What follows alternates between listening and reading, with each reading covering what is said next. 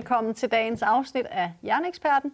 Jeg hedder Milena Penkova, og jeg er jeres vært.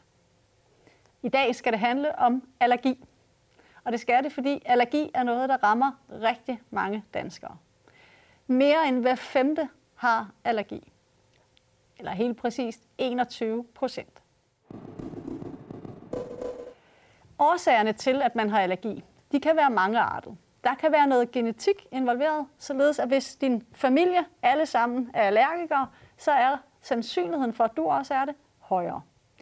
Men noget, der især fylder, hvis man ser på, hvad har forskningen vist, det er det, der hedder hygiejneteorien. Hygiejneteorien, den tilsiger, at vi er blevet alt for hygiejniske. Fordi når vi er det, så kommer vi ikke i kontakt med naturen, med skidt, med jord, med grus, med snavs. Og det er uheldigt, fordi vores immunsystem det bliver modnet hver gang det møder dele af naturen. Og natur her, det skal altså forstås som jord og planter og dyr og skidt og snavs. Jo mere vi er i kontakt med naturen, jo bedre immunsystem får vi.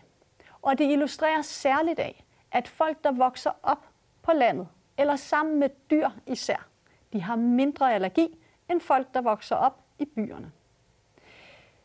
Af alle de dyr, der er undersøgt i den her sammenhæng, så har hunde en særlig plads. Fordi det viser sig, at børn, der vokser op i et hjem med hund, de har mindre børneeksem, mindre atopisk dermatitis, mindre allergi og mindre astma. Og den her hundeeffekt, den er faktisk så stor, at den også strækker sig ind i voksenlivet.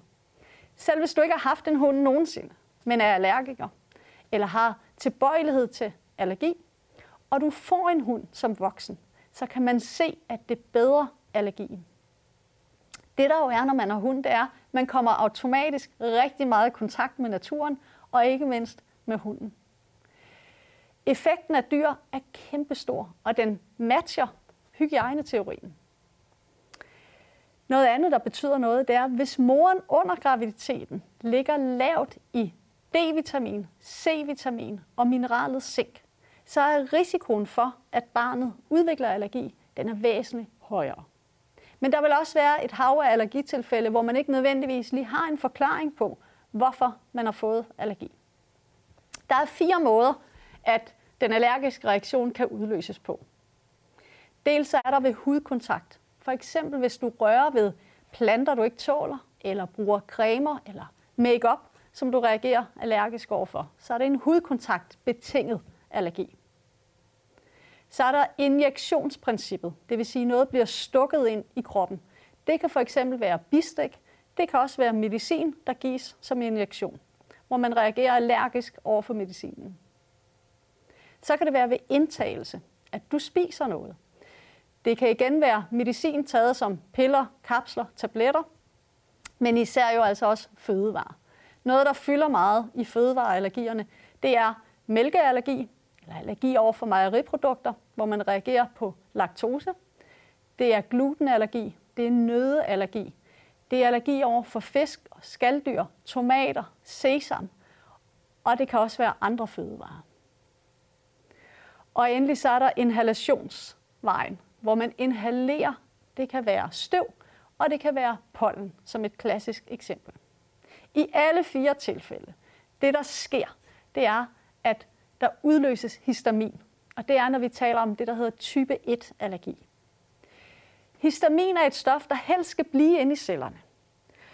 Men hvis det ved en fejl, og det er altså en fejl, når man har allergi, bliver sendt ud af cellen, så udløser det de allergiske symptomer. De celler, der er meget histaminholdige, og som er dem, der er synderen i det her, det er det, der hedder mastceller. De ligger ude i vævene, de kan også være i blodbanen, og når de er i blodbanen, så kalder vi dem for basofile granulocytter. Men mastcellerne og eller basofile granulocytter, det er de histaminholdige celler. Og al den stund histaminet er inde i cellerne, så er alt godt. Når de sender det ud, så kommer symptomerne, og de kan se mangeartede ud. Det kan dels være øjnene, at øjnene løber, de bliver røde og de klør. Histamin er et kløestof. Næsen, den løber, den klør, og man nyser. Luftvejene kan i alvorlige tilfælde blive påvirket sådan, at man kan få svært ved at trække vejret. På huden kommer der typisk rødme, det er varmt og det klør. Der kan også komme knopper på huden.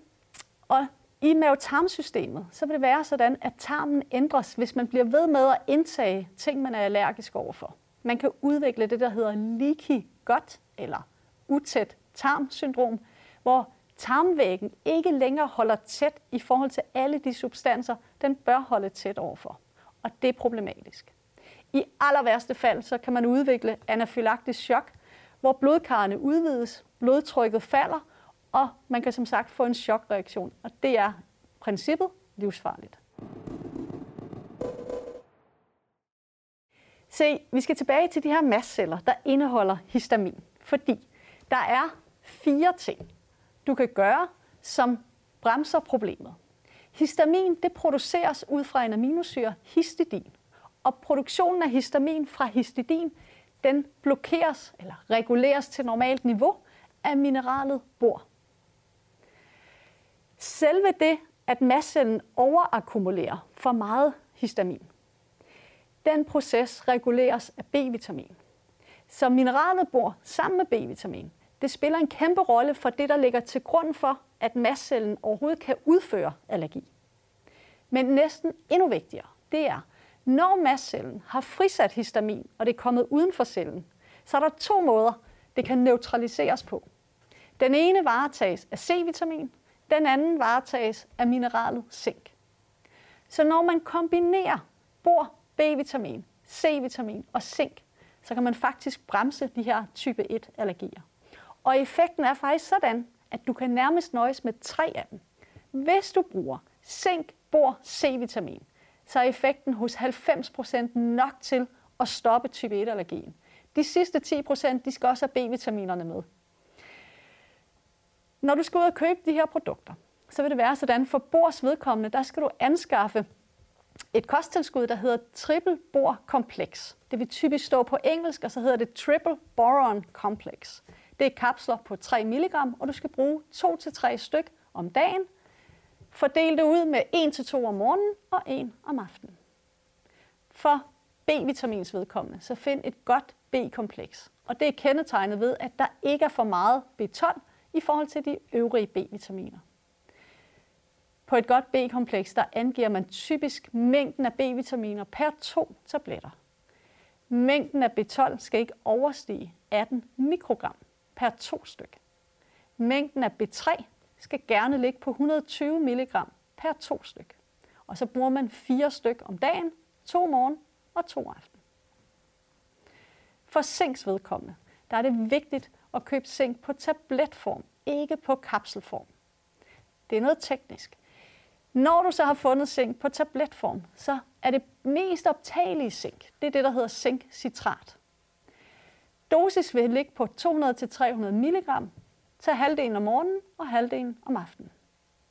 Og endelig C-vitamin. Det er det, der er lidt lettest at købe. For det eneste, du skal se på, er, at det skal være depot C-vitamin, således at det bliver i kroppen i 10-12 timer. Er det nemlig ikke depot, så er det ude igen efter 1-2 timer. Når du har fundet depot C-vitamin, så skal dosis ligge på typisk 3-4.000 mg om dagen, halvdelen om morgenen, halvdelen om aftenen. Er der tale om meget svære allergiske tilfælde, så kan du sætte dosis op. Så det er de fire, du skal ud og have fat i, hvis du vil bekæmpe din allergi på en naturlig måde. Den mindre naturlige måde, det er jo at købe antihistamin, som blokerer histamin. Men det gør det så effektivt, at det også blokerer de dele af histaminet, der faktisk har funktioner, normale funktioner. Det er jo ikke tilfældigt, at kroppen har histamin. Vi skal faktisk bruge det, og det fungerer som et signalstof i hjernen. Så det er væsentligt, at man ikke bare lukker for al histaminet, fordi det er på den lange bane en dårlig løsning. Noget andet, der også er en dårlig løsning på den lange bane, det er binyrbarkhormon. Men det er der mange, der får, øh, hvis ikke man kan kontrollere sin allergi. Og det er naturligvis effektivt. Men der er også bare det problem med binyrbarkhormon, at der er utrolig mange bivirkninger. Og på sigt, der risikerer man, at de her bivirkninger bliver til alvorlige sygdomme. Og det er rigtig, rigtig ærgerligt, især når man kan angribe sin type 1-allergi med naturlige metoder. Vi går over til at se på nogle af de spørgsmål, der er blevet sendt ind til programmet. Vibeke Bak skriver, om ikke jeg vil sige noget om alternativer eller supplerende test til blodprøver, når man skal måle på mineraler. Herunder noget om, skriver Vibeke, hård mineralanalyse og Dodge-test. Se, det er sådan med mineralerne, at blodprøver er ikke specielt gode til alle mineraler. Det bedste eksempel, hvor blodprøver ikke er brugbare, det er zink. Hvis man gerne vil kende sit zink, så er blodprøver ikke særlig anvendelige, fordi det er kun 1-2% af kroppens zink, der er i blodet. Så det er ikke særlig repræsentativt for, hvor meget zink er der ude i vævene, og slet ikke for, hvor meget zink er der i hjernen, hvor meget zink er der i immunsystemet. Hvis du gerne vil kende dit zink, så kan du bruge det, der hedder en Horsex-analyse. Det er dyrt, du skal selv betale, for det er ikke noget, man tilbyder i det offentlige sundhedsvæsen. Det vil også være sådan, at du kan på forhånd sige dig selv, at du vil ligge lavt i zink, hvis ikke du får det rigtige zinktilskud. Med mindre du får zinkcitrat på tabletform i den rigtige dosis, det vil sige typisk 200-300 mg per dag, fordelt med halvdelen om morgenen, halvdelen om aftenen, jamen så kan du næsten være sikker på, at så vil analysen vise, at du har for lavt zink. Så det man også skal spørge sig selv om, det er, vil man bruge sine penge på en analyse, der ikke fortæller andet, end hvad du kunne have sagt dig selv på forhånd? Den nemmeste måde at forholde sig til de her ting på, det er at kigge på din kosttilskud. Kig på din kost. Ud fra, hvordan de ting er sammensat, så kan man sige nærmest med ret stor præcision, hvordan ved dine mineraler ligger.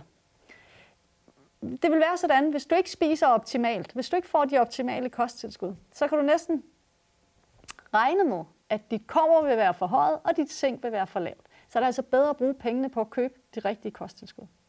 I forhold til det med Dodge-testen. Dodge, det er en forkortelse for Dry Urine Test for Complete Hormones. Det vil sige tørurintest for alle hormoner. Det er en hormontest. Igen, så er det noget, man selv skal bruge sine penge på, for du skal ud og købe det på det private marked. Og der skal man igen spørge sig selv, er det pengene værd? Fordi hvis du for eksempel har stress og føler dig stresset, jamen så vil DOTS-testen vise, at der er forhøjet stresshormon. Hvis du nu lider af PCOS, jamen så vil den vise ubalancer i kønshormonerne, og så fremdeles. Så hvis du er blevet udredt, jamen så bidrager DOTS-testen ikke med noget, du egentlig for alvor ikke vidste i forvejen. Der, hvor jeg vil hen med det her, er, at jeg er meget lavpraktisk orienteret. Jeg vil gerne bruge pengene på løsninger, og ikke alt for meget på at lave et hav af dyre, selvbetalte analyser, som i bund og grund ikke nødvendigvis ændrer særlig meget i forhold til, hvad vidste du i forvejen. Et spørgsmål fra Erik. Erik skriver, min vens 39-årige bror på 90 kilo har græsallergi. Det har han haft hele livet. Han startede for to måneder siden på zink og bor og fiskolie og C-vitamin og B-vitamin og en multivitaminpille. Nu er alle symptomerne væk. Han har ingen allergi mod græs. Men hans tidligere rejsningsproblem er også forsvundet. Hvordan kan det være? Og så skriver, skriver han til sidst, ja, han er selv sagt mere end tilfreds med udviklingen. Se, når mænd får mineralerne zink og bor, så sker der en stigning i testosteronniveauet. Testosteron det er det mandlige kønshormon, som betinger rejsning og potens. Og derfor så vil man som frynsegode til allergimetoden, der vil der automatisk ske det, at man også får øget sit testosteronniveau. Det er det, der er sket, og derfor er udviklingen gået, som den er. Vi kan nå et spørgsmål mere.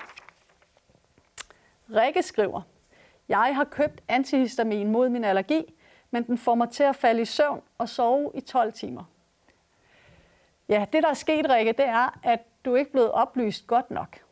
Fordi det er sådan, når man køber antihistamin, så er der to slags. Der er de sederende antihistaminer og de ikke sederende. De sederende, de trænger ind i centralnervesystemet. Og når man derinde får blokeret for histaminet, ja, så falder man i søvn. Endda grundigt i søvn og sover ganske længe. Og det er jo altså det, der blandt andet kan være problemet med antihistamin. Det giver en meget kraftig reduktion af histaminet, og det er ikke altid godt, fordi histamin har også nogle normale funktioner. Så jeg vil foreslå dig at prøve den naturlige metode. Det var dagens afsnit i Hjerneeksperten. Det handlede om allergi, og at du kan bruge kombinationen af mineralerne zink og bor, C-vitamin og B-vitamin til at bekæmpe din allergi med. Husk, du kan indsende spørgsmål til Hjerneeksperten på mailadressen hjerneeksperten dk4.dk. Tak fordi du var med.